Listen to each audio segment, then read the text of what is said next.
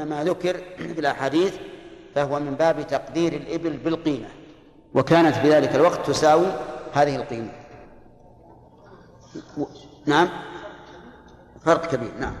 وعن أبي رمتة قال أتيت النبي صلى الله عليه وعلى آله وسلم ومعي ابني فقال من هذا؟ فقلت ابني.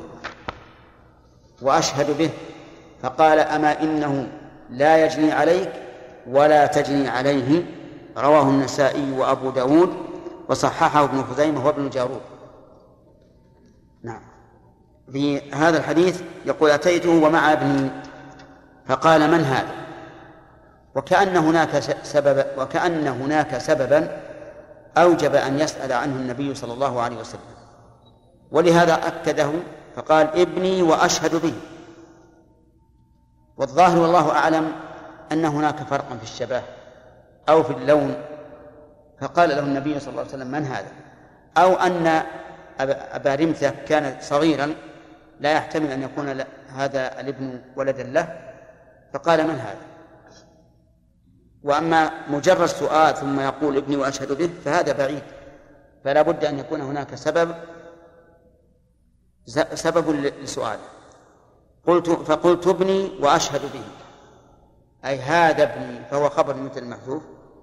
فقال أما إنه لا يجني عليك ولا تجني عليه لا يجني عليك يعني لا تتحمل جنايته. ولا تجني عليه يعني لا يتحمل جنايتك. هذا المعنى. وليس المعنى أن الأب لا يمكن أن يجني على ابنه. ربما يجني عليه. ربما يضربه وربما يجرحه. ربما يقتله وكذلك العكس. لكن المعنى أنه لا يتحمل جنايتك ولا تتحمل جنايته وعلى هذا فالأب لا يحمل من الدية إذا كانت على العاقلة شيئا.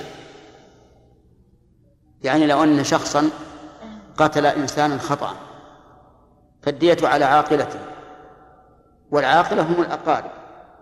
لكن هذا الحديث يدل على أن الأصول والفروع لا يتحملون من الدية شيئا لأنه قال لا أجني عليك ولا تجني عليك. وإلى هذا ذهب بعض أهل العلم وقال إن العاقلة هم ذكور العصبة ما عدا الأصول والفروع وأن الأصول والفروع لا يتحملون من الدية شيئا.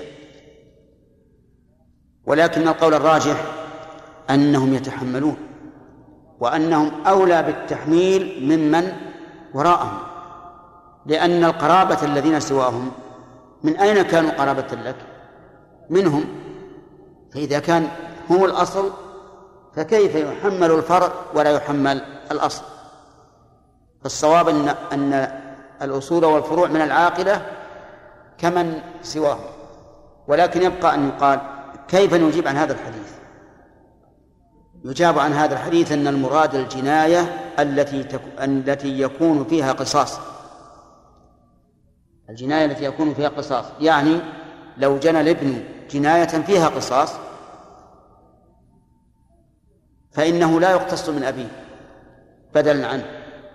ولو جنى الأب جناية فيها قصاص فإنه لا يقتص من الابن آه، نيابة عنه. أما مسألة الأدية فإنه لا لا, لا تعرض للحديث فيها. هذا هو الصحيح. في هذا الحديث فوائد. أولا حرص النبي صلى الله عليه وعلى, وعلى آله وسلم على معرفة أحوال أصحابه. لقوله من هذا؟ ووجه الدلالة أن النبي صلى الله عليه وعلى آله وسلم قال من حسن إسلام المرء تركه ما لا يعنيه. فلما سأل علم أنه عليه الصلاة والسلام يعتني بأصحابه وأن أحوال أصحابه مما يعنيه إذ لا يمكن أن يكون الرسول عليه الصلاة والسلام بغير حسن الإسلام. هو أكمل الناس إيمانا وأشدهم تقوى لله عز وجل. فإذا يستدل بهذا الحديث على حرص النبي صلى الله عليه وسلم على معرفة أحوال أصحابه. ويتفرع على هذه القاعدة أنه ينبغي لكبير القوم وزعيم القوم من قاض أو عالم أو أمير أن يتفقد أحوال من هم تحت يده اقتداء بمن؟ برسول الله صلى الله عليه وعلى آله وسلم ومن فوائد هذا الحديث أن الرجل إذا استلحق ابنا له فإنه يلحقه ولا يكلف البين به وهو كذلك فإذا استلحق الإنسان شخصا قال هذا ولدي فإنه ولده. لكن بشرطين الشرط الأول أن لا ينازع فيه والشرط الثاني أن يمكن كونه منه. فإن نوزع فيه نظرنا إن كان المنازع صاحب فراش فقد قال النبي صلى الله عليه وآله وسلم الولد للفراش وللعاهر الحجر. وإن كان المنازع غير ذي فراش فإنه يعرض على القافة الذين يعرفون النسب بالشبه فمن ألحقته القافة به لحقه. ومن فوائد هذا الحديث صحة إطلاق الشهادة على الإقرار. لقوله وأشهد به أي أقر به. وقد سمى الله الإقرار شهادة. فقال يا أيها الذين آمنوا كونوا قوامين بالقسط شهداء لله ولو إيش؟ ولو على أنفسكم. والشهادة على النفس إقرار. والشهادة على الغير للغير شهادة. والشهادة للنفس على الغير دعوة. هذه ثلاث أشياء. الشهادة على النفس للغير ما هي؟ الشهادة للنفس على الغير دعوة. الشهادة على النفس للغير إقرار. الشهادة للغير على الغير شهادة. ولكل واحد منها أحكامها المعروفة في الفقه. ومن فوائد الحديث أنه لا يقتص من أحد عن أحد حتى الإبن لا يقتص منه عن أبيه ولا الأب عن ابنه. فلو أن الأب جنى على شخص وقطع يده عمدا قطع يده عمدا فإنها تقطع يده إذا تمت الشروط. فلو قال ابنه يا جماعة هذا أبي اقطعوا يدي بدله. هل يمكن من ذلك؟ لا. لأن الأب لا يجني على الابن.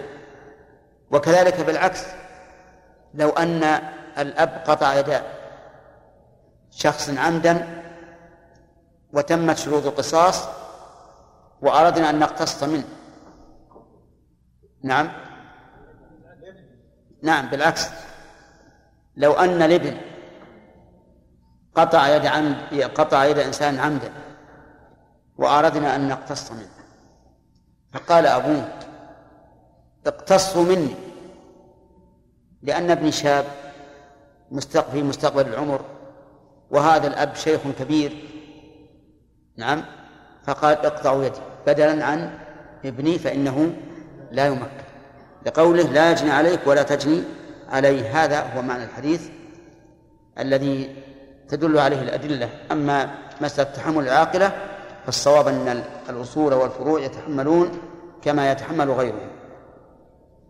ثم قال باب دعوى القسام باب دعوى الدم والقسام. أي نعم. لأن ما جاء بها. ما جاء بها المؤلف. مسائل الشعور يعني معناه إذا جنى إنسان على شخص فأذهب شعره فقد قال كثير من العلماء إنه ليس في هدية لأن الشعور في حكم منفصل فلا دية فيها. وقال بعض أهل العلم بل فيها دية كما أن الأسنان فيها دية مع أنها في حكم المنفصل فكذلك الشعور. وهذا هو مذهب الإمام أحمد رحمه الله.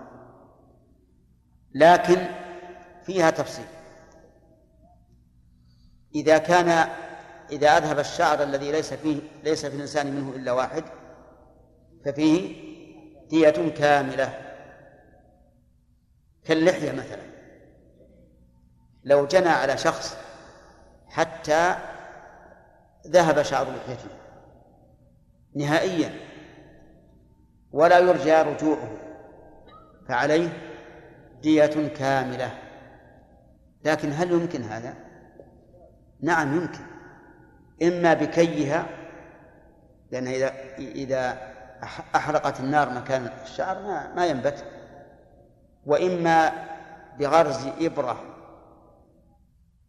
تحت الشعر وتميت منابته. نعم. المهم إذا جنى عليه حتى أذهب لحيته فعليه دية كاملة. قال بعض العلماء وعجبا للسفهاء الذين يحلقون لحاهم ولا يسمحون أن تظهر فيها شعرة ولو صغيرة خفية حتى إن بعضهم يستعمل فيها المناقيش. مع أن فيها في الشرع دية كاملة مما يدل على قيمتها لأنها جمال وجه الرجل. ولكن من لم يجعل الله له نورا فما له من نور؟ طيب ما في ما في الإنسان منه شيئان في الواحد النصف وفي الثاني النصف. ما فيه أربعة؟ ربع الدية. مثل؟ لا.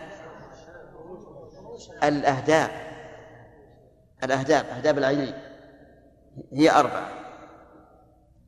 الشارب قالوا لا قالوا فيه حكومة. لأنه مما تشرع إزالته. وليس هو مستقلا في الحقيقة. فيه شيء من التبعية للحية. ففيه حكومة. نعم؟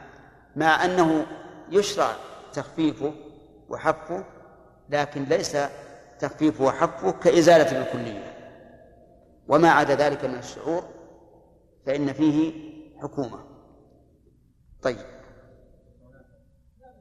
إيش؟ إيش؟ المنافع ذكرناها ذكرناها في أول ما تكلمنا على الديات ديات الأعضاء وش قلنا في المنافع؟ من جنى على عضو فأشله ففيه ديته إلا شيئان الأنف والأذن.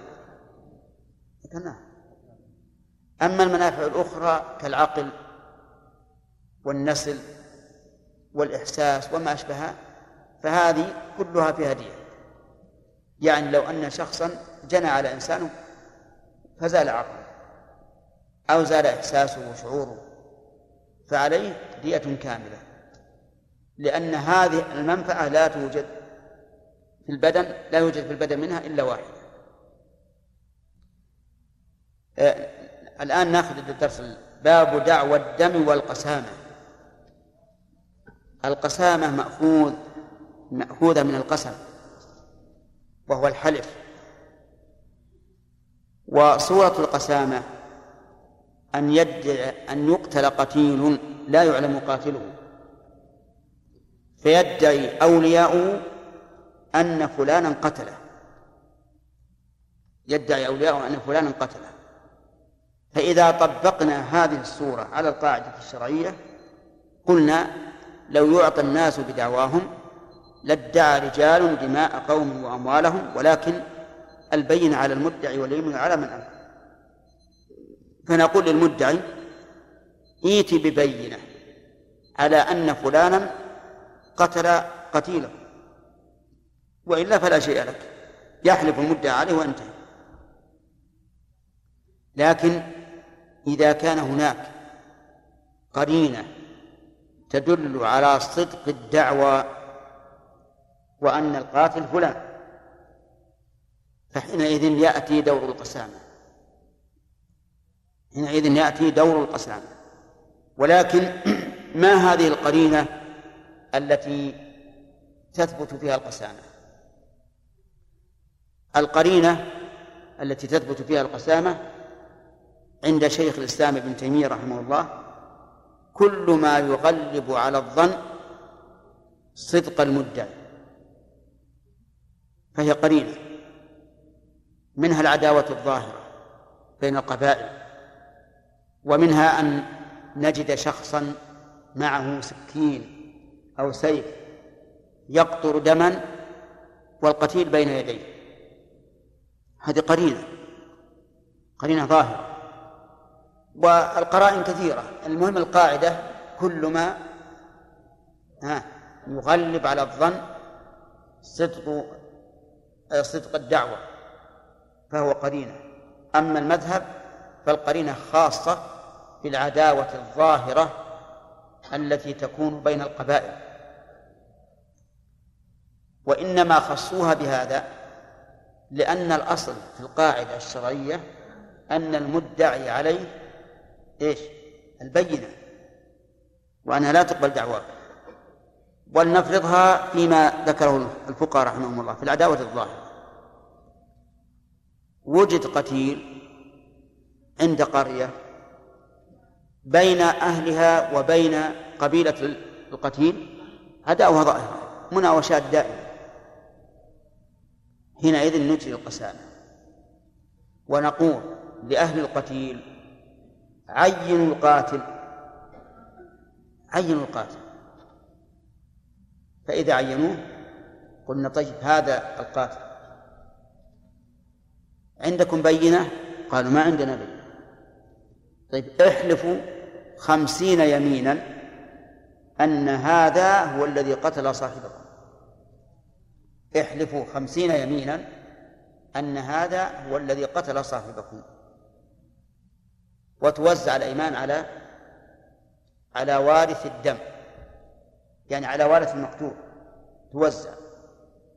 فإذا كانوا خمسة كان على كل واحد عشرة. وإذا كانوا ثلاثة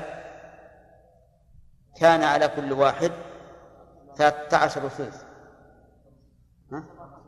سبعة عشر. على كل حال يجبر الكسر. احسبوها فيما بعد. الكسر ما يخالف. يجبر الكسر فتكون على كل واحد سبعة عشر. فنقول احلفوا خمسين يمين على أن هذا قاتل صاحب أن هذا قاتل صاحبه فإذا حلفوا قلنا خذ اقتلوا. فيقتلونه. وفي هذه الحال تكون هذه القسامة خارجة عن قاعدة الدعاوي من وجوه ثلاثة. الوجه الأول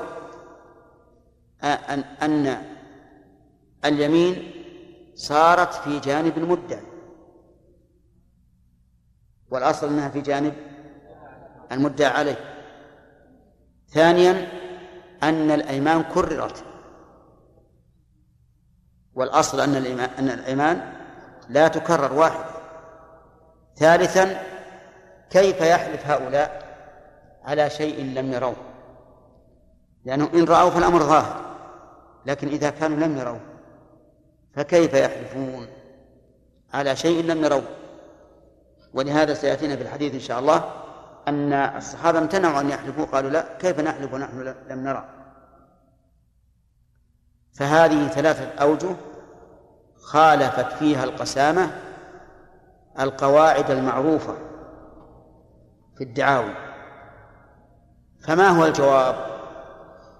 نقول أما الجواب عن الأول وهي أنه كيف كانت الأيمان في جانب المدعي والأصل أنها في جانب المدعى عليه.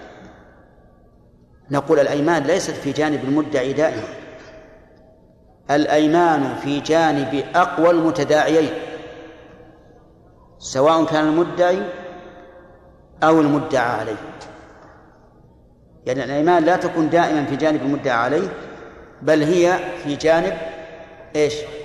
أقوى المتداعيين سواء كان المدعي أو المدعى عليه واضح؟ ولذلك إذا ادعى شخص بشيء وأقام شاهدا قلنا له احلف مع الشاهد وخذ. يأتي إن شاء الله الكلام عليه بعد. ان تكتب تاريخ الحلقات؟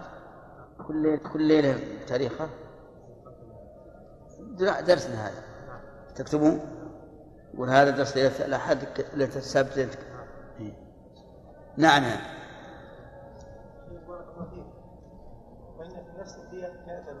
نعم.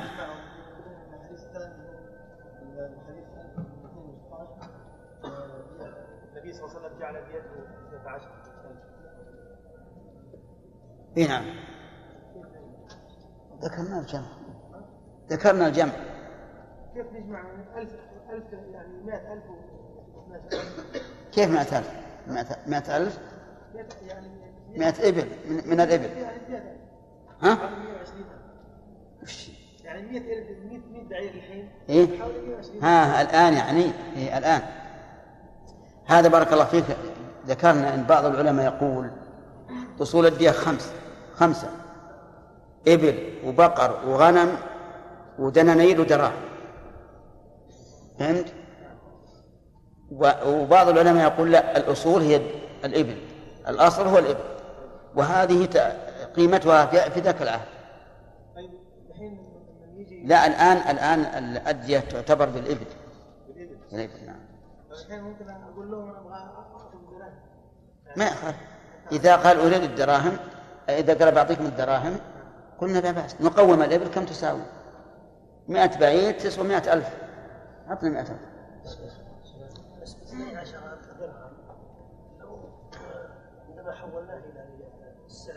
نعم ريال. نعم.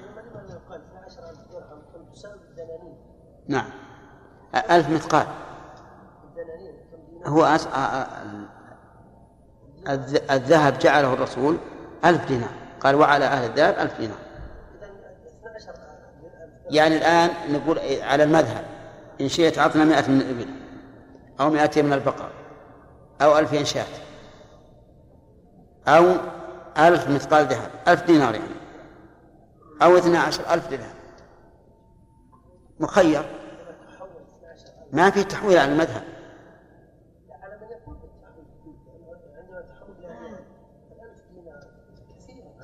ما يخالف. لكن تعرف إن الذين يريدون أن يدفعوا الدية ما هم رايحين يأخذون بالدنانير وعندهم الدراهم. دقيقة. أقول اثنا عشر ألف إذا قلنا إنها أصل. حولناها إلى الدراهم الدراهم موجودة الآن. بلغت هذا هذا المبلغ القليل. كذا ولا لا؟ إذا إذا قلنا ألف ألف دينار أيضا أصل. ألف دينار أصل. تبلغ أكثر من هذا. ما يخالف بكثير. الذين عليهم الدية بأيهما يأخذ؟ الذي عليه عليه الدية. طيب إذن هو الخيار للذي عليه الخيار للذي عليه الدية. فإذا قال أنا أريد أن أدفع من الفضة قلنا 12000 درهم. واضح؟ أما إذا جعلنا الأصل هي الإبل كما هو الصحيح تقوم الإبل.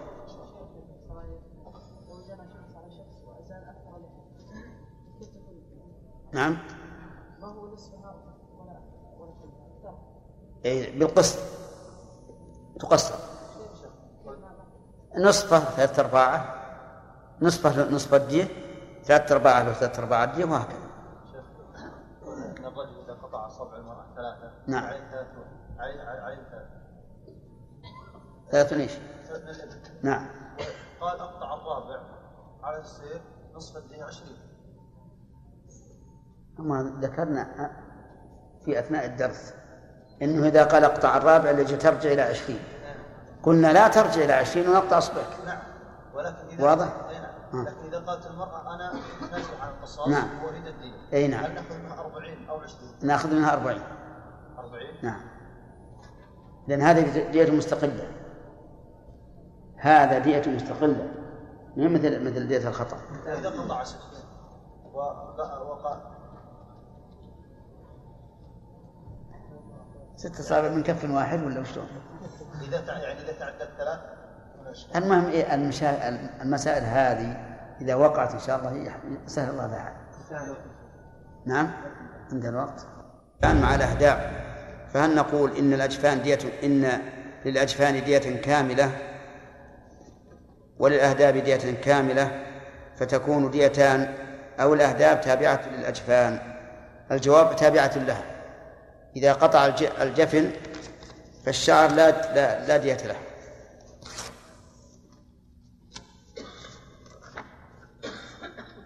وهذا الطالب محمد محجوب. هل عندما يستمر الإنسان على دخوله هذا هل عندما يستمر الإنسان على دخوله والإمام في الصلاة يحق عليه قوله تعالى وإذا قاموا إلى الصلاة قاموا كسالى هل عندما يستمر كذا؟ أقول هل عندما يستمر يستمر؟ إيه لكن يستمر الإنسان يعني يستمر في حياته. ها؟ يعني كلما استيقظ من مثلا الفجر صلاة الفجر أو أي صلاة يعني تجد أنه سبحان الله يبطئ يعني في ال- في ال- في الوضوء وكذا حتى يعني إذا تثاقل الصلاة. إيه. دائما يستمر. يخشى يخشى أن أن يحق عليه هذا. إذا من الصلاة قاموا كسالى. يصير فيه يصير فيه صفة من صفات المنافقين. نسأل الله العافية. وهذا يقول إن تحريك السبابة يكون بين سنتين بينما سمعت اثرا عن عبد الله بن عمر رضي الله عنه أنه كان إذا قعد في التشهد وضع يده اليسرى على ركبته اليسرى ويده اليمنى على يده اليمنى وعقد 53 هذا صحيح. ولا منافاة بين القولين لأن ذكر بعض الأفراد لا يدل على التقييد. فإذا جاء من دليل آخر أنه يفعل بين الستين كما يفعل التشهد لم يكن معارضة لأنه لا منافاة. عندنا أظن مراجعة. سمعنا يا سعد.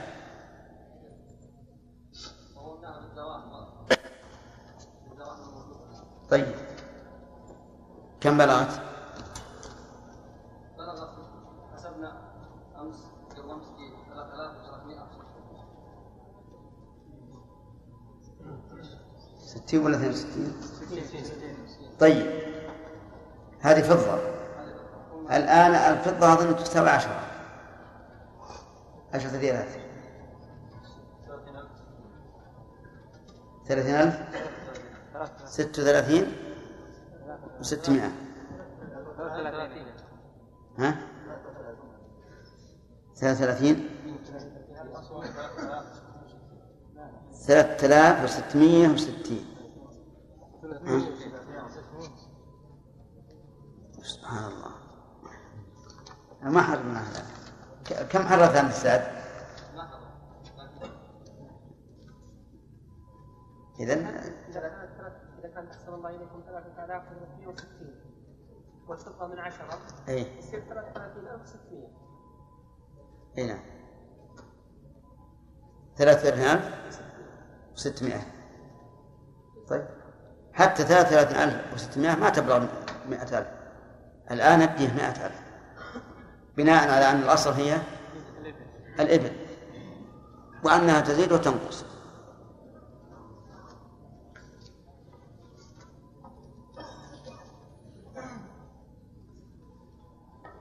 سمي سعد. أخرجه أبو داود في المراسيل والنسائي وابن خزيمة وابن الجارود وابن حبان وأحمد. طيب هنا أخر أحمد. ما هي عادة يعني؟ لعله والله أعلم ما عثر عليه إلا بعد أن كتب هذا. شيخ المصطلح معروف يقدم أحمد حتى على البخاري ومسلم. أحمد ثم يقال أي نعم لكن لعل, لعل هذا اطلع عليه بعد أن كتب الحديث. نعم. إيش؟ هو العوض المأخوذ نعم. فما دونه. يعني ما يؤخذ عوضا عن الجناية في النفس؟ فما دونه. فما دونها. وهو موافق للغة. اللغة والاصطلاح وا- واحد. طيب. كم دية الرجل المسلم؟ مئة بعير خطأ. هنا. الرجل المسلم. خطأ. هذا كم دية الرجل المسلم؟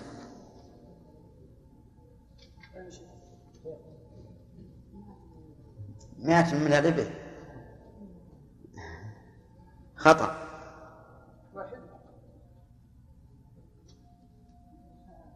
نعم. ما عندي غير هذا؟ من يعرف؟ كان عمدا أو شبه عمد فيها أرباع. لا دعنا من كونه أرباع ولا أخماس لكن كم عددها فقط. عددها؟ نعم. الرجل المسلم. هناك من قال إن الأصل ابن فيكون عددها 100 من الابل خطأ. ترزق كان حرا فيه فيه 100 من الإبل. نعم. خطأ كان حرا فيه 100 من الإبل. نعم وإن كان عبدا فيقوم فقيمته ما تقولون؟ صحيح.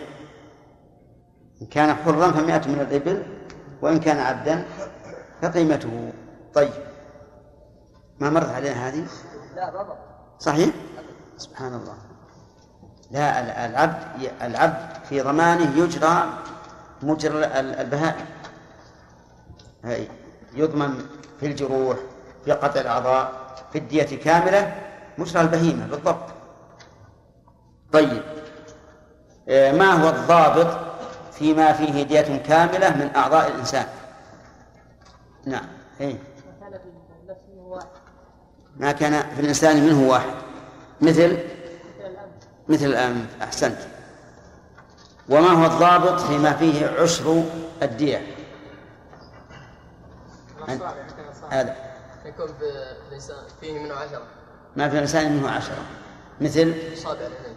مثل أصابع اليدين أو الرجل أو أصابع الرجلين آه، ما تقول يا سعيد؟ في رجل قطع أذنا شلا. كم؟ كم؟ لكنها شلة. انتبه لهذه.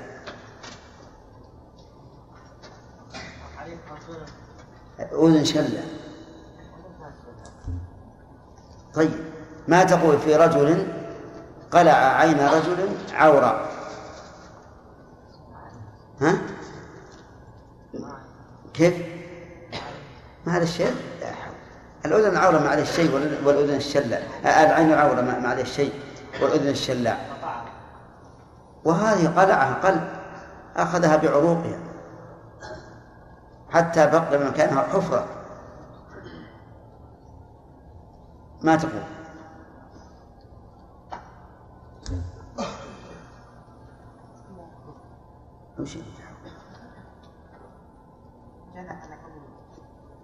هذا ال- السؤال. رجل قلع عين الأعور العورة. حكومة؟ اي قلع مرة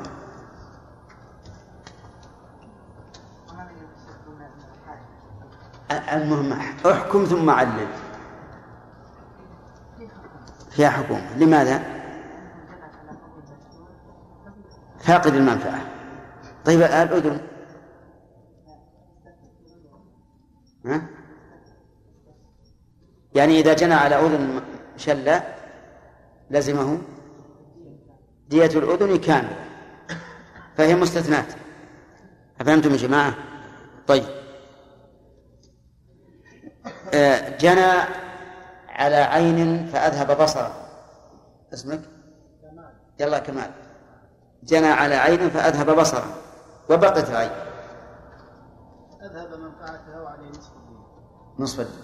نصف دية العين ولا نصف دية الكل؟ لا نصف دية آه، يعني دية العين كاملة. تمام. دية العين كاملة وهي نصف الدية. طيب. وجنى على أذن فأشلها. فإذا جنى على أذن شلاء كانت لا لا صحيح سليمة. جنى عليها حتى أشلها. آه، ليس عليه نصف ليس عليه دية أذن كاملة لأن ليس عليه دية آه، لي- ليس عليه دية أذن كاملة. ما- وش عليه؟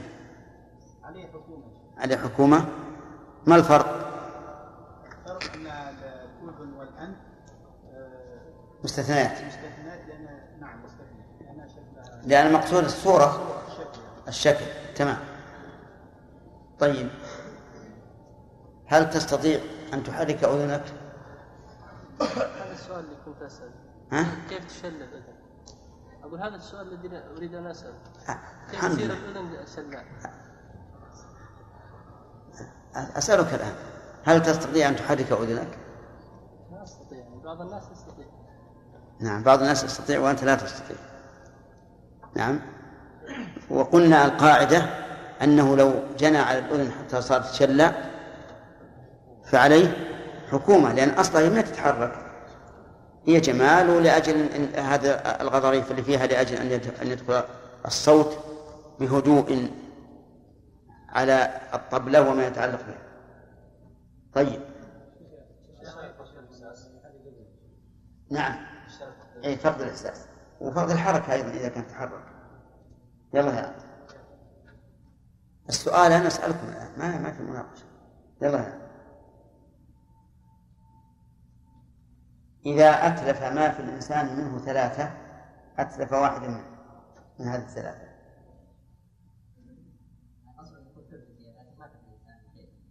لا يصل الإنسان شيء فيه ثلاثة. والا فالقاعده يكون في ثلث أبدية. طيب.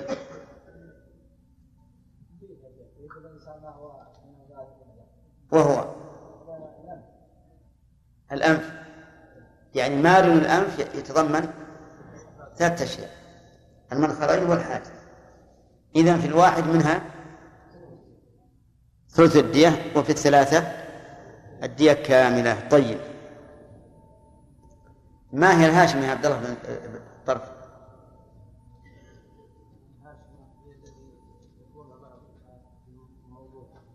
إيش؟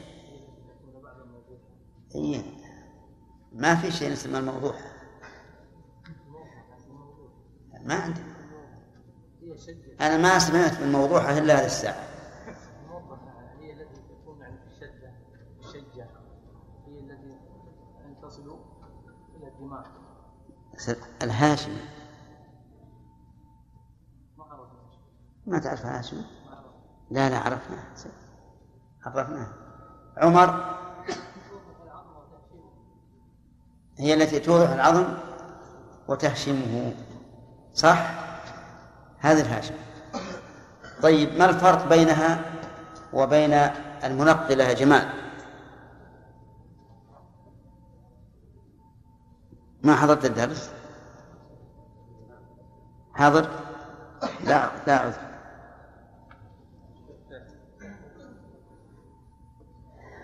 صلاح صالح. صالح.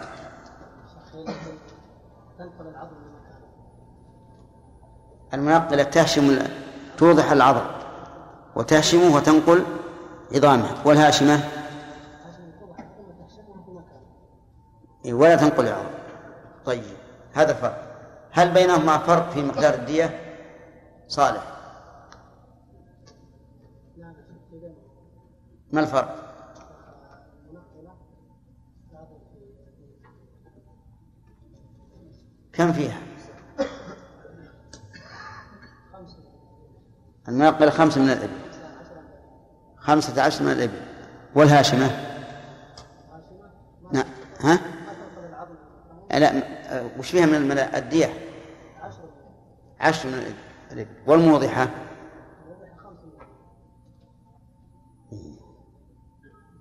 توافقون على هذا؟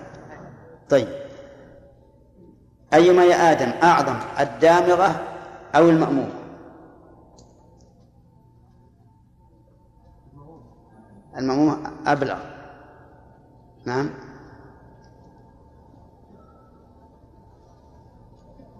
ما هي المأمومة؟ والدامغة.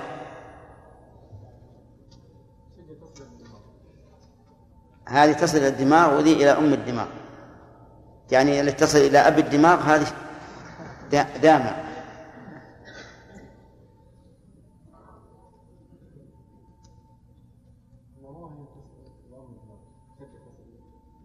طيب. والدامغة ها؟ دامغة نعم. تصل إلى أم الدماء وتخرقه. إذن أيهما أشد يا آدم؟ ها؟ الدامغة فهمنا الفرق بينهما من حيث الجناية. ما الفرق بينهما من حيث الدية؟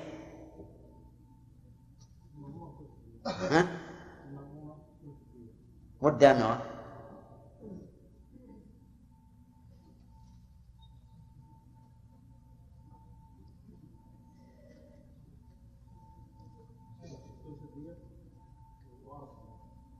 الدية وأرش قولا واحدا في المسألة أو فيها قولان. نعم. إيه؟ نعم. القول الأول قال انها في الزكيه وقسوها عليه المامومه قالوا اذا كان ماموما في الزكيه فهذه من باب اولى ان تكون في الزكيه نعم والقول الثاني قال لا في الزكيه وزياده الضعف هذا الذي رجحناه صحيح؟ إي نعم. الصحيح أن الدامغة فيها ثلث الدية وزيادة أرش لأننا رأينا أن الشرع جعل كلما عظمت الجناية ازدادت الدية فالموضع خمس والهاشمة عشر والمنقلة خمس عشرة والمأمومة ثلث الدية. الدامغة لا بد أن تفرق عن المأمومة لأنها أعظم. ما هي دية الخطأ ودية العمد ودية شبه العمد؟ خالد.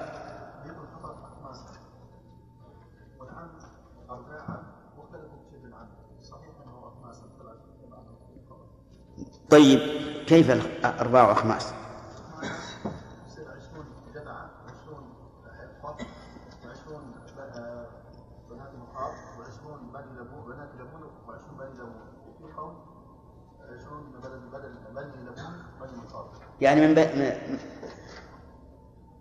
يكون كم بن, بن لبون عشرون. وعشرون من بنات اللبون. طيب. التغليظ هل يكون في العمد أو الخطأ أو شبه العمد؟ أخذت شرافي ها؟ أخذت سؤال يعني لم يرد في الدرس. ها؟ خير إن شاء الله يلا. حكم الأخ. العقيدي العقيدي نعم. في شبه العمد يا شيخ. نعم. التغليظ يكون في شبه العمد فقط؟ وفي العمد وفي العمد والخطأ ليس فيه تغليظ وقد ذكر لي بعض الطلبة أننا قلنا إن شبه العمد ما في تغليظ نعم؟ وإذا كنت قلت ذلك فهو سبق لسان وإلا فيه التغليظ طيب نريد الآن التفريق بين بين الجنايات الثلاث العمد شبه العمد مغلق. أي نعم. لا ما صح الخلاف ما ما ما الفرق بين الجنايات الثلاث؟ من من حيث الدية والقصاص والكفارة. عباس. القتل العمد هو أن يقصد القتل بما يقتل غالبا. وفيه القصاص اصبر اصبر. وشبه العمد. وشبه العمد أن يقصد الجناية بما لا يقتل غالبا. نعم. كالعصا والصوت. نعم. والخطأ ألا يقصد الجناية أصلا. نعم. صيدا فيصيب إنسانا طيب أحسنت. هذا الفرق بينهما من حيث التعريف. الفرق بينهما من حيث الدية. عبد الله.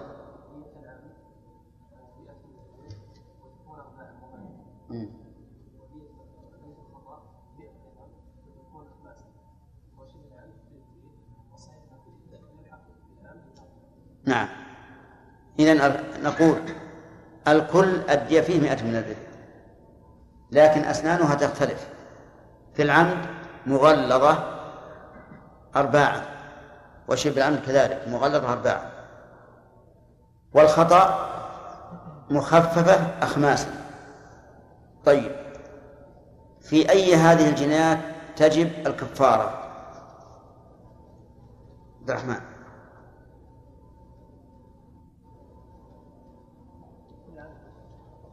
تجب الكفارة في العمد. وأما الخطأ وشبه العمد في الجميع. وإن كان قسم ضابع بعد مثل أيضا. أنك ما ما حضرت الدروس. ها؟ تجب الكفارة في العمد وشبه العمد طيب. قليل اللي فاهمين سبحان الله. أي نعم. تجب في العمد فقط. خطأ. نعم. في الخطأ فقط. خطأ. في الكل. خطأ. في الخطأ وشبه العمد من؟ فضلك. اقلب الشريط. صحيح. قال الله تعالى "و- ومن قتل مؤمنا خطأ. فتحرير رقبة مؤمنة ودية مسلمة إلى أهله إلا يصدق وقال في قتل العمد ومن يقتل مؤمنا متعمدا فجزاؤه جهنم ولم يذكر فيه كفارة. إذن الكفارة في الخطأ وشبه العمد لأن شبه العمد ملحق بالخطأ حيث إن القاتل أو حيث إن الجاني لم يقصد القتل. طيب. إذا وما هو الذي فيه القصاص من هذه الجنايات الثلاث العمد فقط. كذا؟ صحيح. وأما شبه العمد والخطأ فليس فيه قصاص. إذا اختلف هذه الجناية من عدة وجوه. تشترك في شيء وتختلف في شيء. يشترك الخطأ وشبه العمد في أنه لا قصاص وفي أن فيه الكفارة وفي أن الدية على العاقلة عرفتم رجل أمسك شخصا ليقتله ليقتله الآخر فما العمل؟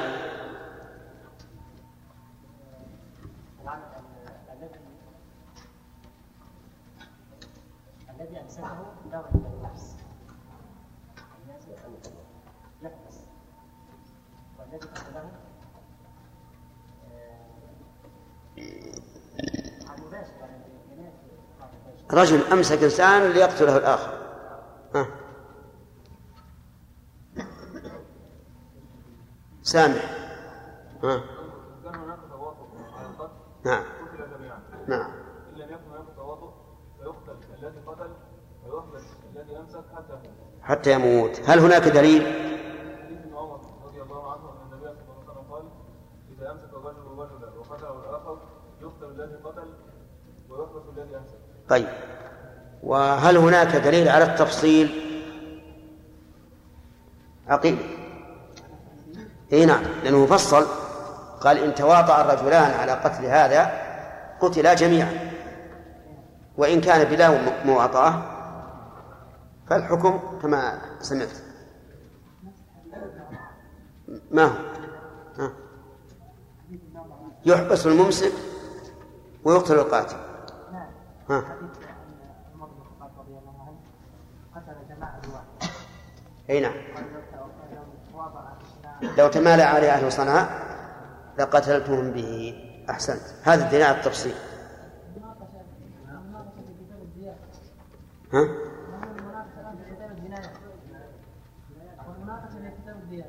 طيب. نعم. لا بأس. على كل ما بقي إلا ما بقي إلا حديث عمر يا خالد لو تمالأ جماعة على قتل رجل واختيرت الدية فكيف تكون؟ تمالأ رجل على قتل إنسان وقتلوه واختيرت الدية يعني قال أولياء المقتول نريد الدية أو على كل واحد الدية كيف توزع؟ ألسنا قلنا إنهم يقتلون جميعا لو طلب القصاص فما الفرق بين الدية والقصاص؟ الدية يمكن تقسم عليهم أما القصاص لا يمكن أن عليهم أيوه ما تقولون؟ صحيح؟ طيب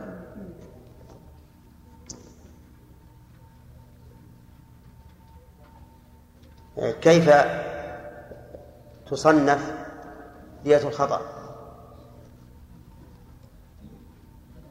أربعة. دية الخطأ. أرباعا كيف؟ متأكد أنها أربعة لأن في ناس يعارض الآن. يعني دية الخطأ. كيف تصنف؟ نعم. سعد. كيف؟ خماسا وعشرون بنت لبون وعشرون بنت وعشرون بني لبون وعشرون يوم إيش؟ كيف جزع؟ حق صح نعم والعمد إذا اختيرت الدية سليم كيف تصنف الدية في العمد؟ إذا اختيرت الدية في العمد كيف تصنف؟ صنف من أربعة أربعة أصناف ما هي؟ بنت مخاض وبنت لبون بنت مخاض واحدة بس؟ بنت مخاض واحدة؟ أربعة أربعة أشياء لأن تكمل 100 140 كيف يعني؟ كل كم بنت مخاض؟ 25 نعم بنت مخاض نعم 25 بنت نعم 25 حقة 25 بدعة طيب هل في أسنان الإبل في- باب الديات ما يبلغ الثنية؟ ما في. أعلاها؟ كم لها؟ والحقة؟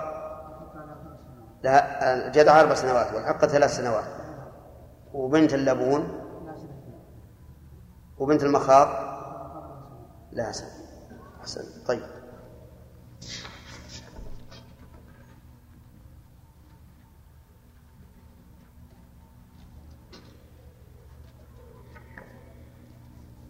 آه، شخص تطبب يا علي.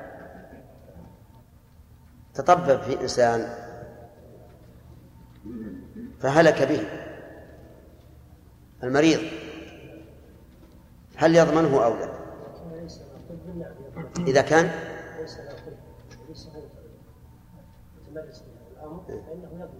يعني غير مجرد بالإصابة. نعم. فإنه لا يضمن. طيب لو لو تطبب بشاة. نعم. بيطري. سوى نفسه بيطريا و... وأتى على شيء الناس. مطلقا. كان ليس مجرد بهذا الأمر نعم يعني. كطبيب البشر. لا بس ما يختلف. وذا قيمة. المهم يضمن على التفصيل. كذا؟ توافقون على هذا؟ إيه، يضمن. طيب.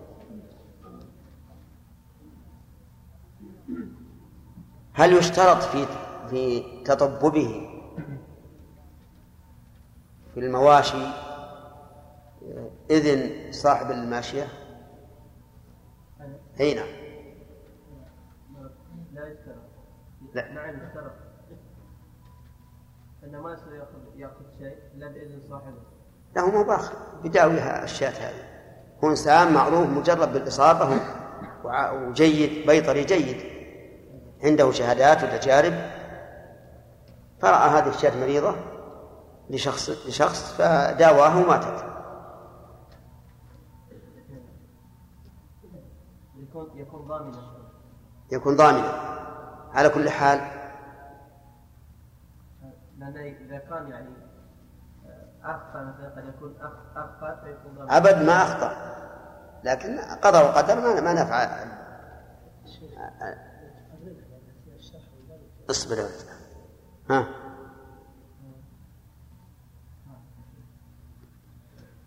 طيب. نعم. يضمن؟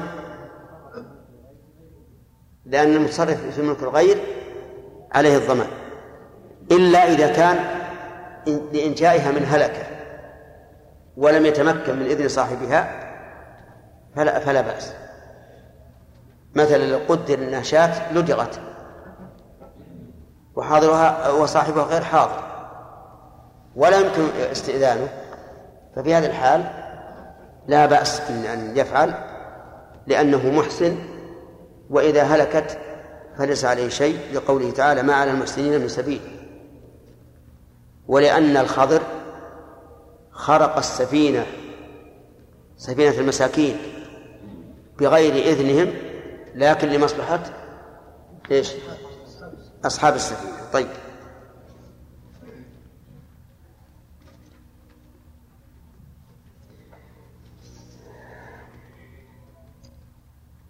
قتل رجل يهوديا فهل يضمنه أو لا؟ ما هو؟ كان اليهودي ذمي له عهد عند المسلمين وليس بحربي فإنه يضمن فإنه عليه نصف الدين يضمنه طيب وإن كان حربيا فإنه لا يكون ولا يضمن إيش؟ لا يضمن يضمنه. لأن دمه هدر. صحيح هذا؟ نعم صحيح. إن كان له ذمة أو عهد أو أمان فإنه يضمن وإلا فلا. فكم ديته؟ نصف دية المسلم الحر. يعني له ديته خمسون بعير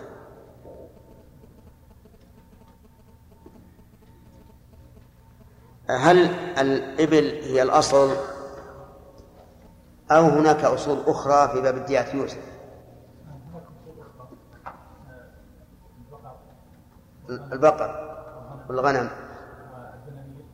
دنانير الذهب يعني الذهب. والفضة. خمسة؟ إيه مع الإبل تكون خمسة.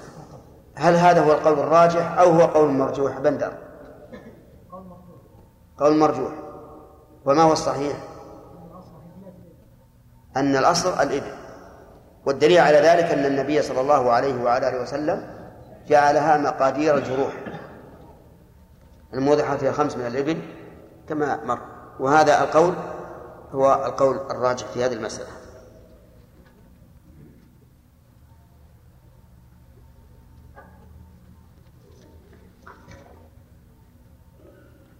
حديث أبي رمثة أنه آتى النبي صلى الله عليه وسلم ومعه ابنه فقال من هذا؟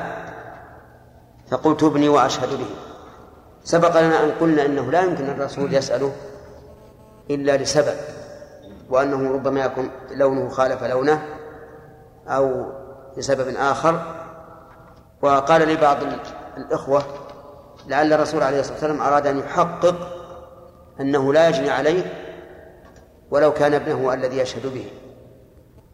وهذا أنسب مما قلنا. يعني أنه أراد الرسول أن يؤكد بأنه لا يجني عليه لا هو ولا الابن لا يجني على الأب ولا الأب لا يجني على آه، الابن. فأراد أن يقول هذا مع أنك تشهد أنه ابنك وأنه بضعة منك فإنك لا تجني عليه ولا يجني عليك. ثم ننتقل الآن إلى درس جديد وهو باب دعوى الدم والقسامة. القسامة هذه معطوفة على قوله دعوى ها؟ ما ما شرحنا الحديث؟ ما شرحنا الحديث بارك الله فيك. وش يضركم إذا أعدنا؟ أنا في ظني لو سألتكم الآن ما عرفت طيب يلا. آه القسامة معطوفة على إيش؟ يلا خالد. ها؟ هذا هذا البلاء القسامة الآن معطوفة على إيش؟ على دعوة ولا على الدم؟ وباب القسامة. طيب ما هي القسامة؟ طيب وما شروطها؟ إيه. طيب. عدها لنا. الوجه الأول أن آه، اليمين في جانب المدعى عليه. نعم. نعم. وهنا جعلت في جانب المدعي طيب هذه واحد. الثاني أنه تقرر الأيمان. نعم. أن الايمان مكرر وبقية الدعاوي؟ لا تقرر الأيمان. طيب. والوجه الثالث أنهم يشهدون على ما لم يروا. يشهدون؟ على ما لم يروا. يعني يحلفون على ما لم يروا. يحلفون على ما لم يروا. طيب والدعاوى لا وقد اجبنا وفي إشكال. كيف يحلفون على شيء لم الأول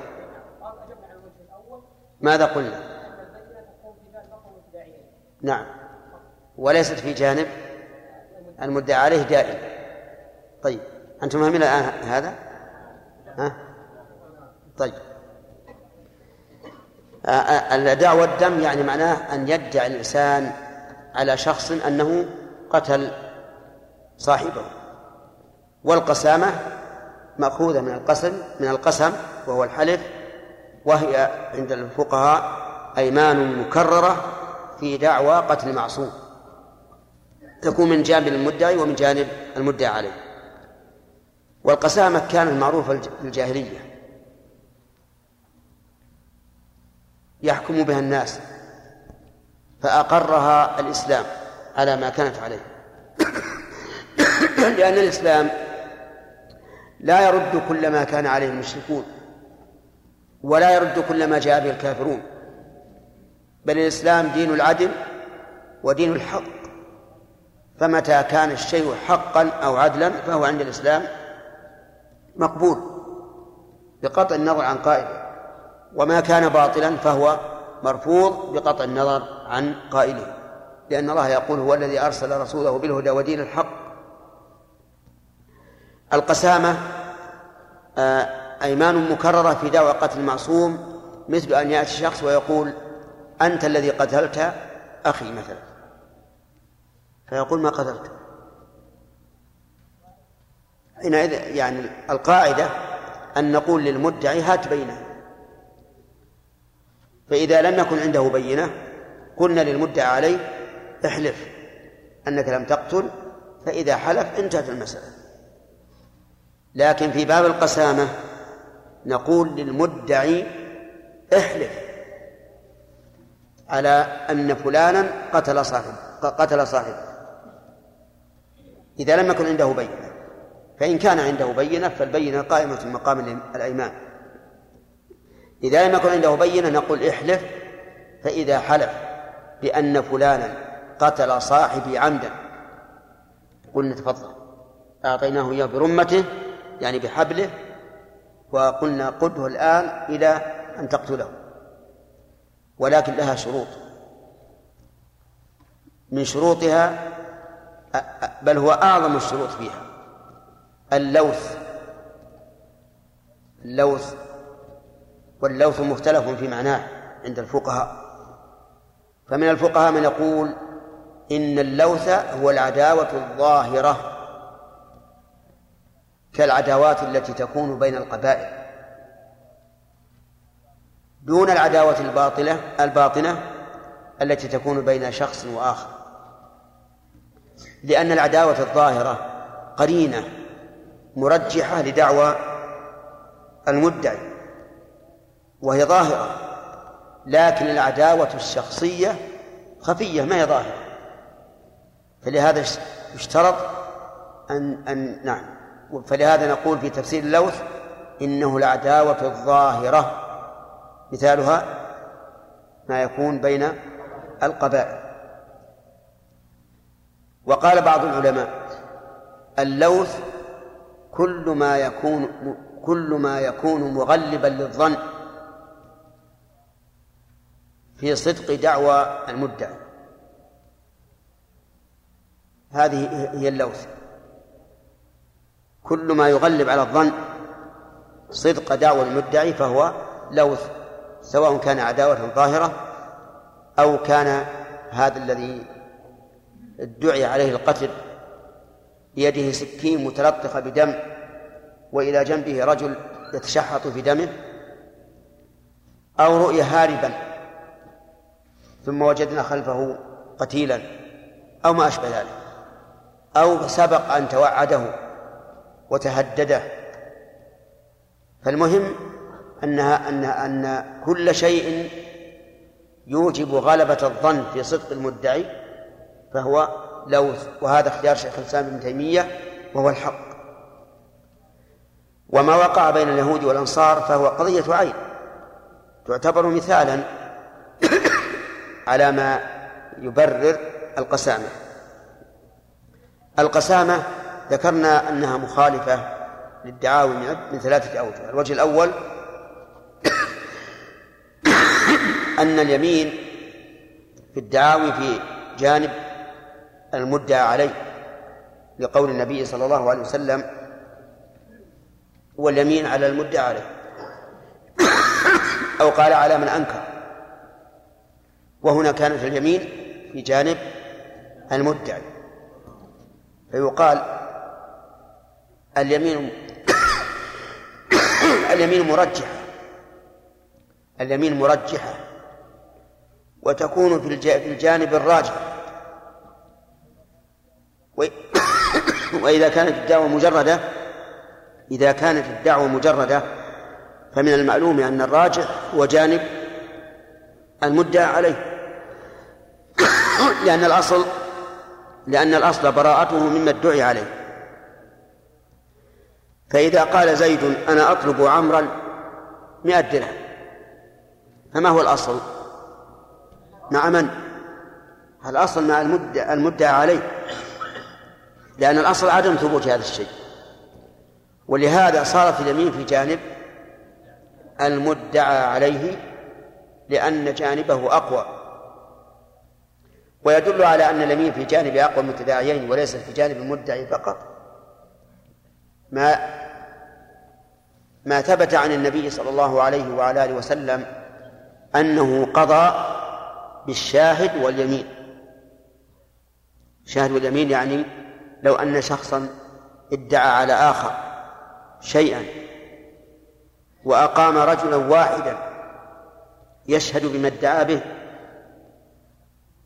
فهنا نحكم له بما ادعى به إذا حلف. مع شاهده. فتجدون الآن أن اليمين في جانب من؟ في جانب من؟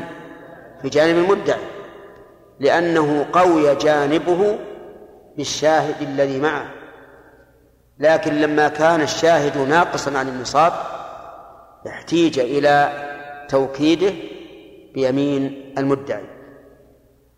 بيمين المدعي. كذلك أيضا قال الفقهاء لو أن الرجل فارق زوجته وادعت أن هذا المتاع الذي في البيت له وادعى الرجل أنه له.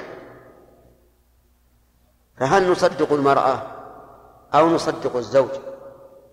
قالوا إذا كان هذا المتاع مما يصلح للنساء فالقول قول المرأة لكن مع يمينه. وإذا كان لا يصلح إلا للرجال فالقول قول الرجل. فهنا عملنا بالظاهر مع اليمين وجعلنا اليمين في جانب المدعي إذا كان جانبه إذا كان الظاهر معه. فتبين الآن أن اليمين في القسامة لم تخرج عن قاعدة الدعاوى في هذه المسألة أي في كون الأيمان في جانب عجيب في جانب المدعي. لأن جانب المدعي قوي بوجود اللوث المغلب للظن في صدق هذا المدعي. وأما كونها تكرر فإن تكرارها موافق للحكمة أيضا لأن شأن الدماء عظيم. والقسامة إذا ثبتت فيها الدعوى سوف يقتل المدعى عليه تقتل النفس وتنتقل من العصمة إلى الهدر. فالأمر عظيم. ولهذا أوجب النبي صلى الله عليه وعلى آله وسلم أن يحلف المدعي خمسين يمينا. فإن نكل لم تقبل دعواه. وأما كونهم يحلفون على شيء لم يروه فإن الحلف على غلبة الظن جائز شرعا. حلف على غلبة الظن جائز. لا على مجرد الهوى. ولهذا نجد الصحابة رضي الله عنهم كما سيأتي في الحديث أبوا أن يحلفوا لورائهم. لكن إذا كان إنسان عنده من القرائن ما يغلب على ظنه أن الأمر حصل فله الحلف بناء على إيش؟ على غلبة الظن. فإذا قال قائل هل لديكم دليل؟ يدل على جواز اليمين على غلبة الظن؟ قلنا نعم. قصة الرجل المجامع الذي جامع زوجته في نهار رمضان وجاء يستفتي النبي صلى الله عليه وعلى آله وسلم وأفتاه بأن يعتق رقبة فقال لا أجد يصوم شهرين متتابعين قال لا أستطيع. يطعم ستين مسكينا قال لا أجد ثم جيء بتمر فأعطاه النبي صلى الله عليه وسلم الرجل وقال تصدق به.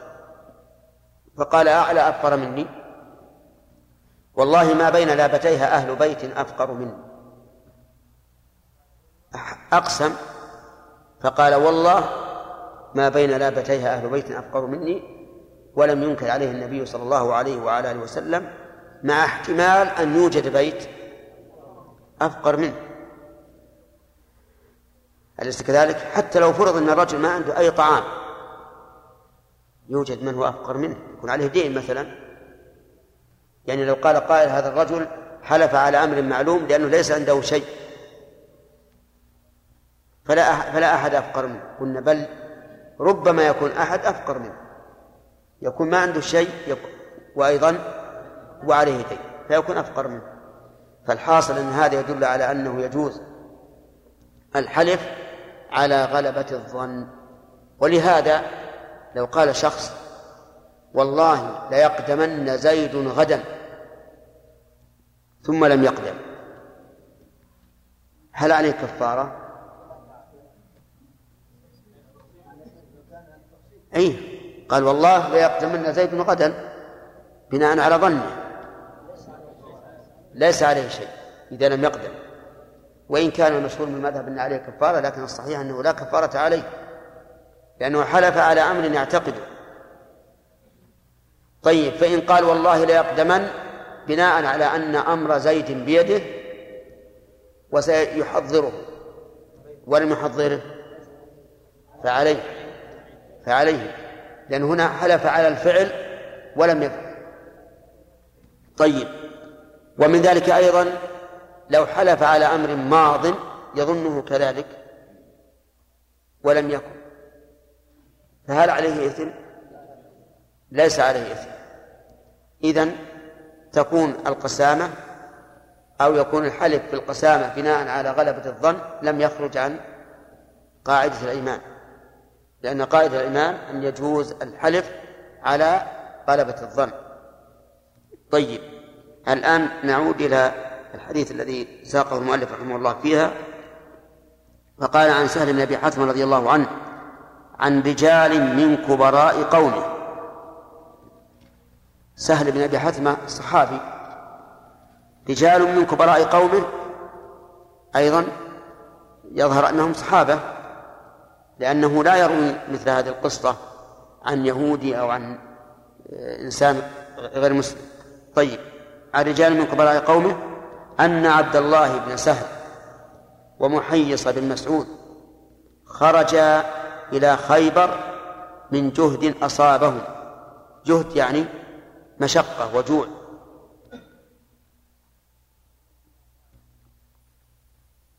عندي أصابهم ولم يقل أصابهما لأن أصابهم يعني أصاب أهلهم وهم من الأهل.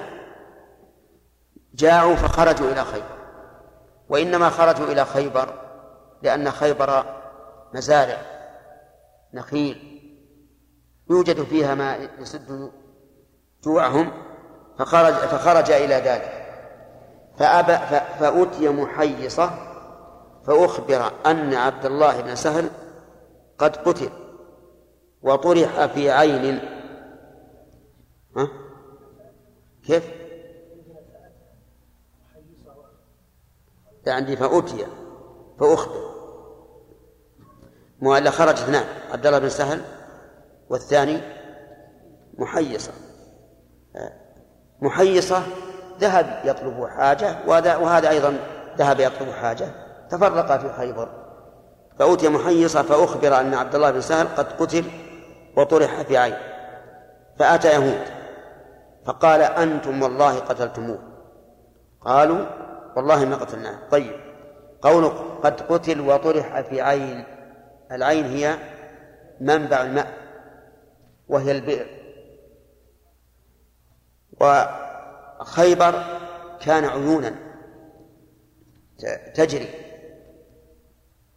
بل إننا شاهدنا نحن وأدركنا أن أحدا عيون تجري. تنبع من الأرض وتمشي. لكن نضب الماء الآن وقل. فقال أنتم والله قتلتموه. قالوا والله ما قتلناه. فأقبل هو وأخوه حويصة أخو من؟ محيصة. وعبد عبد الرحمن بن سهل أخو عبد الله بن سهل القتيل فذهب محيصا ليتكلم فقال رسول الله صلى الله عليه وسلم كبر كبر. ذهب محيصا يتكلم لأنه شاهد القضية. وهو الذي مع عبد الله بن سهل. وأخوه حويصة أكبر منه. فقال النبي صلى الله عليه وسلم كبر كبر يريد السن. فتكلم حويصة. وحويصة لا شك أنه قد بلغه خبر القوم وإلا ما كان ليتكلم بشيء لا يعلمه. ثم تكلم محيصة يعني بعد أن تكلم حويصة تكلم أيضا محيصة لأن حويصة أكبر منه. فتكلم بعده ولعله أتم ما لم ما لم يأت به حويصة. فقال رسول الله صلى الله عليه وعلى آله وسلم إما أن يدعو صاحبكم وإما أن أن يأذنوا بحرب. يعني إما أن يدعو صاحبكم أن يؤدوا ديته. إن إن قبلتم الدية. أو يقتل القاتل إن عينتموه. وإما أن يأذنوا بحرب. لماذا يأذنون يأذنون بحرب؟ لأنهم نقضوا العهد. فإن الذمي إذا نقض العهد بقتل أحد من المسلمين أو اعتداء عليه بزنا أو لواط أو ما أشبه ذلك فإن عهدهم ينتقض. فكتب إليهم في ذلك يعني قال لهم إما أن تدعوا صاحب القوم وإما أن تأذنوا بحرب فكتبوا إنا والله ما قتلناه. قوله فكتب إليهم في ذلك. هل المراد أن الرسول صلى الله عليه وسلم باشر كتابه؟ لا. ولكن أمر من يكتب. ثم إن الظاهر أنه كتب إليهم باللغة العبرية. لأن لأن النبي صلى الله عليه وسلم أمر زيد بن ثابت أن يتعلم لغة اليهود ليترجم الرسائل التي تأتي منهم ويترجم الرسائل التي تذهب إليهم إلى لغتهم. فكتبوا إنا والله ما قتلناه. فقال لحويصة ومحيصة وعبد الرحمن بن سهل. عبد الرحمن بن سهل أخو القتيل. وحويصة ومحيصة عماه. أتحلفون وتستحقون دم صاحبكم؟ أتحلفون على أي شيء؟ على أن اليهود قتلته وتستحقون دم صاحبكم؟ فقالوا لا. لا نحن. وفي لفظ آخر أنهم قالوا كيف نحلف ولم نشهد ولم نرى؟ يعني بينوا سبب امتناعهم عن اليمين بأنهم ما شهدوا ولا علموا بذلك. قال فيحلف لكم يهود. قالوا ليسوا مسلمين. يحلف لكم يهود بماذا؟ بأنهم لم يقتلوا صاحبكم. فقالوا ليسوا بمسلمين. ومن ليس بمسلم فإنه غير مأمون أن يحلف على الكذب ولا سيما اليهود. فإنهم من مصادر الكذب. فوداه النبي صلى الله عليه وعلى آله وسلم من عنده يعني أدى ديته من عنده عليه الصلاة والسلام. أي مما تحت ولايته. وليس المراد أنه وداه من من ماله. لأنه من المعلوم أن الرسول عليه الصلاة والسلام لا يبقي المال عنده.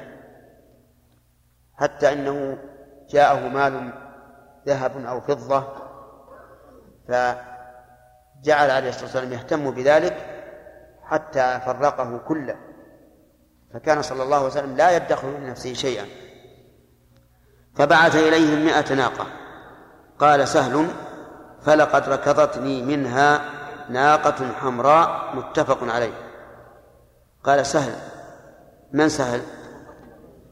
أبو القتيل. ركضتني يعني ضربتني برجلها. ناقة منها حمراء. نعم. قال سهل بن سعد. ما أدري. عندكم الشرح؟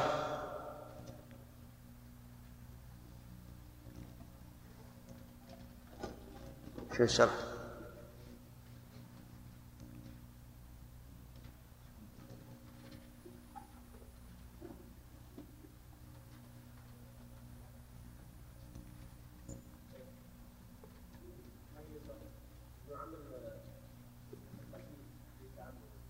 نعم. لا. قال سهل. وهو يقول نعم. وسهل.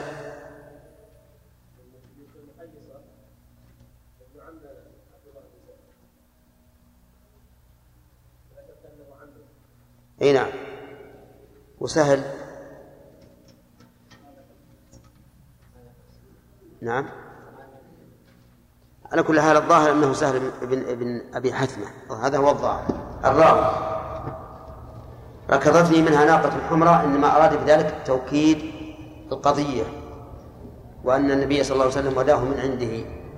هذا الحديث كما تعلمون أصل في القسامة وفيه ألفاظ متعددة غير هذه ولهذا ينبغي أن يعتنى به من جميع الجوانب.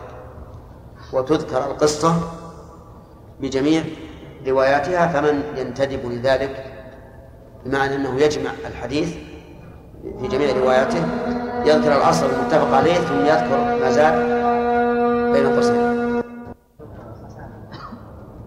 بعد إن شاء الله المقبل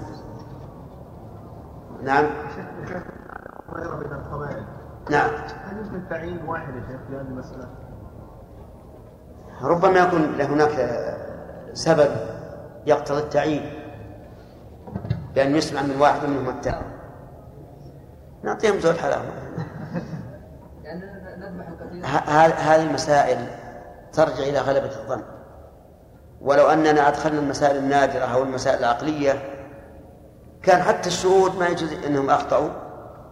طيب يا شيخ إذا عرفت أن الأخ هؤلاء الذين ادعوا على أن هذا الذي قتل وحلف 50 يمين لكن أعرف الناس يعني ليسوا يعني عندهم الحلف عندهم الحلف عادي هذا عاد يرجع إلى إلى اجتهاد القاضي. ربما إذا خاف منهم إذا شك فيهم يفرقهم مثلا. يشوف هل يتناقض كلامهم أو يتفق. وينظر للقرائن. نحكم بالقتل إذا وافقوا. إذا تمت الشروط حكم بالقتل. شيخ بالنسبة للقسامة هل توزع على كل فرد من القبيلة أم توزع على على الورثة فقط. الذين يستحقون الدم هم الورثة. لكن إذا لم يكن يعني وصل عددهم مثلا 20 لهم ألف. إذا كانوا ألفا كم يحلفون من يمين ألف يمين. لو 20 لا لأن اليمين ما تباع. لو 20 لو 20 نفر. كيف توزع عليهم؟ اقسم الخمسين على عشرين. واجبر الكسر. نعم يعني لو قلت لو قل الجماعة كثرة الأيمان ما في شيء؟ أبد بس اقسم هذا اقسم الخمسين على العدد اللي معك. واجبر الكسر.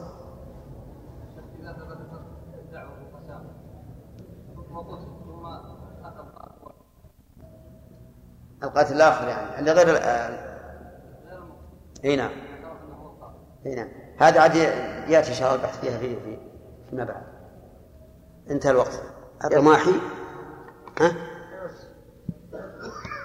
كان الرجل كان يضرب زوجته ضربا مبرحا أمام أمام الآخرين وفعل ذلك ذات مرة حتى تحطمت الزوجة جسميا ونفسيا إلا أنها بقيت بقيت حية. فلما انتصف الليل وجدت ميتة من إيش؟ من اثر سم قد تجرأت. هل يرث هذا الزوج الذي كان سببا رئيسيا في موت زوجته؟ هذا بارك الله فيك. يرجع إلى القاضي للتحقيق في الموضوع.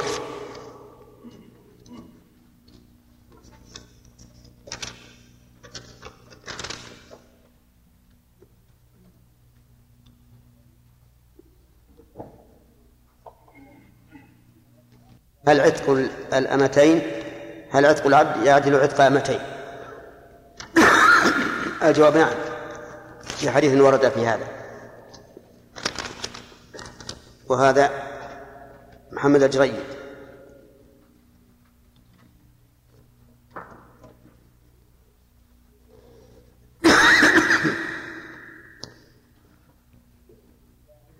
يقول آه، إذا أتى ناس صلوا في مساجد وأنتم مسجد في الصلاة فهل يجوز لهم البقاء في المسجد؟ بسبب البرد دون أن يدخلوا في الصلاة. نقول هذا خلاف أمر النبي عليه الصلاة والسلام لأنه قال إذا صليتما في رحالكما ثم أتيتما مسجد, مسجد جماعة فصليا معهم فإنها لكما نافلة. وهذا صاحب المراشي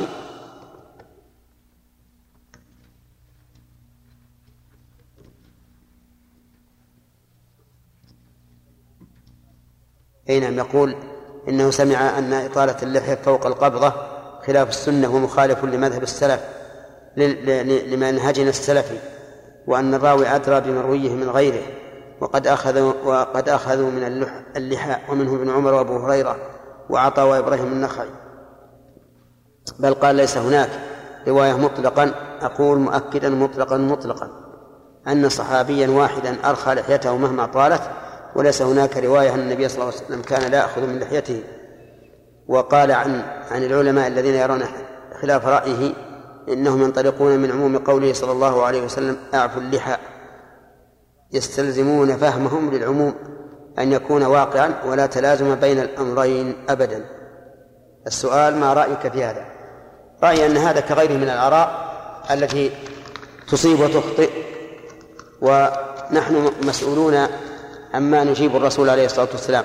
ويوم يناديهم فيقول ماذا أجبتم المرسلين؟ ورسول الله صلى الله عليه وآله وسلم قال أرخوا اللحى وفروا اللحى أوفوا اللحى. ولم يقل إلى حد ما. نعم لو فرضنا أنها طالت طولا يستهجن كما لو وصلت إلى ركبته أو وصلت إلى كعبه وكان يتأثر منها مثلا فحينئذ نقول لا بأس أن تقصها. على حسب العادة المألوفة. أما شيء معتاد ولا يعد هذا استهجانا ولا مثلة فالواجب إبقاء النص كما يقول خالد عفيف. وين؟ خالد عفيف. نعم. ها؟ يقول هل الأعمال في غير ترك الصلاة في غير ترك الصلاة فكر في ذات الإيمان؟ وحقيقتها أنه في في توضيح اختلاف أهل القبلة في ذلك ما هو المعتمد فيه وما هو الموقف من المخالف في هذا الأمر مثل الماتريدية وهل الأعمال ركن في الإيمان أم لا؟ الصواب أن الأعمال من الإيمان. لقول النبي عليه الصلاة والسلام الإيمان بضع وسبعون شعبة أعلاها قول لا إله إلا الله وهي قول وأدناها إماطة الأذى عن الطريق وهي فعل والحياة شعبة من الإيمان وهو عمل قلب. ولكنها ليست شرطا فيه. منها ما هو شرط ما هي شرط ما هو شرط في كماله ومنها ما هو شرط في بقائه. فالصلاة مثلا تركها كفر وغير الصلاة ليس تركه كفرا. نعم. أي هذا الأخ؟ كملته؟ ها؟ إيش؟ فقط على كل حال نحن نشرح ما, ما تيسر الآن. ها؟ ما أدري والله. هل فهمتم ذلك؟ نعم. أو عموما. هو على كل حال المفهوم عموما. عموما وإن شاء الله تعالى نؤجله ما دام ما دام ما دمت أخرتها متأولا. فالمتأول نعم. مغفور له. الدرس القادم إن شاء الله. نعم. إن شاء الله تعالى. بسم الله الرحمن الرحيم. الحمد لله رب العالمين. أظن الحديث مقروء. عن سالم بن أبي حاتم رضي الله عنه عن رجال من كبراء قومه أن عبد الله بن سهل ومحيص بن مسعود خرج إلى خيبر من جهد من جهد أصابه. أنا عندي من جهد وهو الصواب. عندكم بالضم بالفتح نعم. اولا قوله خرج إلى خيبر. دقيقة يا أخوان. ما هي خيبر؟ خيبر هي عبارة عن مزارع وحصون لليهود. سكنوها وسكن بعضهم المدينة وسبب ذلك أنهم كانوا قد قرأوا أنه, أنه يبعث رسول يكون مهاجره المدينة